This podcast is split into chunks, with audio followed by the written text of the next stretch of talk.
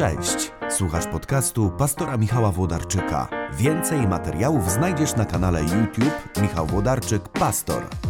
Ten tydzień był dla mnie naprawdę szalony. Miałem wrażenie, że codziennie stawałem wobec takiego wyzwania, gdzie na próbę była wystawiana moja niespotykana łagodność, moja nieprzeciętna cierpliwość.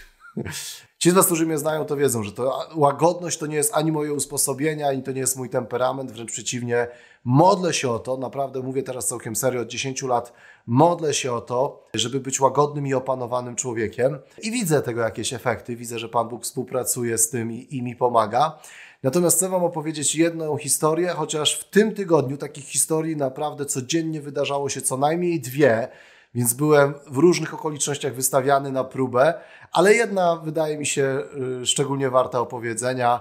A potem po tej historii krótka recepta, jak być super bohaterem, chociaż kiedy historia już się skończy, będziecie doskonale wiedzieć, co mam na myśli i jaka jest recepta na, na bycie jak Wilhelm Zdobywca, albo Nelson Mandela, albo Bolesław Chrobry, albo kogo tam sobie wymyślisz i kto ci imponuje, ale jak być prawdziwym bohaterem. W tym tygodniu wydarzyła się taka sytuacja, że pod naszym domem, na naszym podwórku stały trzy samochody. Samochód Izy, mój samochód i samochód pana, który remontuje nam łazienkę. Najlepszy fachowiec w Bydgoszczy, więc, więc te trzy auta były. Mniej więcej tak ustawione, jak widzicie na obrazku. Ja akurat trochę pracowałem, czytałem jakąś książkę. Iza stwierdziła, Iza to jest moja żona, cudowna kobieta, od 18 lat jesteśmy małżeństwem. Naprawdę, cudowna kobieta, chociaż ta historia nie będzie jej e, stawiała w najlepszym świetle, ale, ale pozwoliła mi ją opowiedzieć. Iza stwierdziła, że pojedzie na zakupy. No okej, okay, ona sobie jedzie na zakupy, nagle ten pan, który remontuje nam część mieszkania, przychodzi i mówi, Michał, czy możesz przestawić swój samochód, bo mnie zablokowałeś? Z całą pewnością na pewno ciebie nie zablokowałem. A mówi, no jak, no stoisz i, i nie mogę wyjechać, a muszę jechać po farbę, bo mi się skończyła.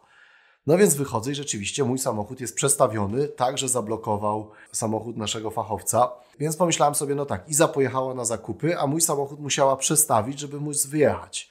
Więc mówię, nie ma sprawy, zaraz cię odblokuję. I co się okazuje? Nie ma kluczyków. Pojechała Iza na zakupy swoim samochodem, ale z moimi kluczykami, bo przed chwilą właśnie przestawiała mój samochód. Więc myślę sobie tak, jest na zakupach, zadzwonię do niej. Market, w którym robi zakupy jest około półtora kilometra od naszego domu, więc mówię, zadzwonię do Izy i poproszę ją, żeby na chwilę zostawiła ten koszyk i tylko podrzuciła kluczyki do mojego samochodu. Bo nawet myślę sobie, ten zapakowany zakupami wózek może zostawić gdzieś między regałami. Jeśli w tym wózku nie ma, nie wiem, makaronu ani masek jednorazowych, to nikt jej z tego wózka szybko nie rozpakuje, nie? bo tylko na te rzeczy się teraz wszyscy wokół rzucają. No więc dzwonię do Izy i znacie ten dźwięk, kiedy telefon, na który dzwonicie, odzywa się w pokoju obok. I myślę sobie, o nie, więc mówię, no nie ma szans. Więc mówię wtedy do tego fachowca, sorry, ale nie mogę cię odblokować. Nie mogę odjechać, bo nie mam kluczyków, a Iza jest na zakupach i nie wiem, czy wróci, teraz czy za godzinę. A on mówi, ale mi się skończyła farba, nie mam roboty, muszę jechać w tej chwili, jeśli nie mam stracić tego dnia. Boże, nie chcę być zły. Więc czujecie, że w tej historii po prostu za dużo jest przypadków. To nie musiało się wydarzyć. Iza mogła pojechać na zakupy moim samochodem. Mogła pojechać swoim samochodem, a do mojego samochodu chociaż zostawić kluczyki. Błagam, proszę. I wreszcie, jak już zdecydowała, że przestawia mój samochód i zabiera do niego kluczyki, to mogła chociaż wziąć telefon, żebym mógł do niej zadzwonić.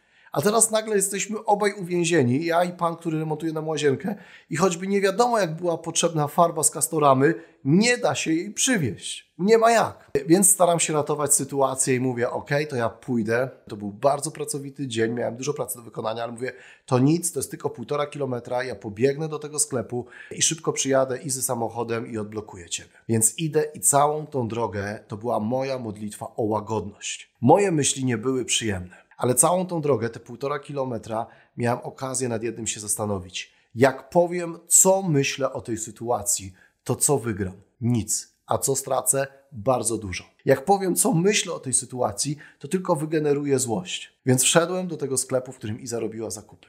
Ona patrzy na mnie i mówi, a co ty robisz? Kochanie. Krótki przepis, jak zostać superbohaterem. Kochanie, przyjechałem tylko na chwilę wziąć kluczyki od swojego samochodu, bo muszę wypuścić pana, który nam remontuje łazienkę, żeby pojechał do Castoramy po farbę, ale jak skończysz zakupy, to zadzwoń po mnie i przyjadę po ciebie. Wiecie, co było najpiękniejsze? Kiedy wyszedłem z tego marketu. Wszedłem do tego samochodu i czułem się bohaterem. Dlaczego? Dlatego, że opanowałem swój wybuchowy temperament. Nie powiedziałem tego wszystkiego, co myślę o tej sytuacji, i tak naprawdę ominąłem dużą porcję złości, którą bym wywołał, gdybym nie zapanował nad sobą.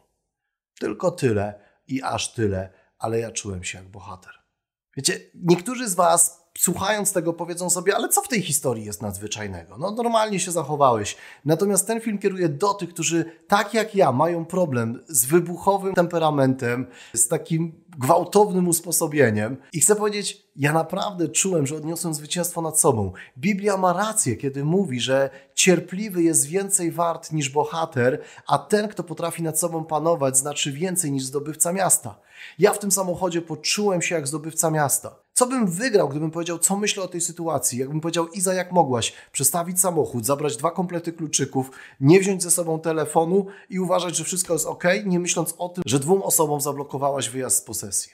Co bym wygrał, jakbym powiedział, co myślę o tej sytuacji? Zupełnie nic. Natomiast co wygrałem łagodnością? Przyjechałem, powiedziałem, kochanie, jak skończysz zakupy, przyjadę. Jak Iza skończyła zakupy, wróciłem, zabrałem wszystkie zakupy, kupiłem jeszcze jakieś mrożone owoce morza i wieczorem mieliśmy miły wieczór, oglądając sobie kolejny odcinek serialu na Netflixie. Gdybym wtedy w tym sklepie dał wyraz całej tej mojej irytacji na tę sytuację, prawdopodobnie złość trwałaby troszkę dłużej niż jeden dzień.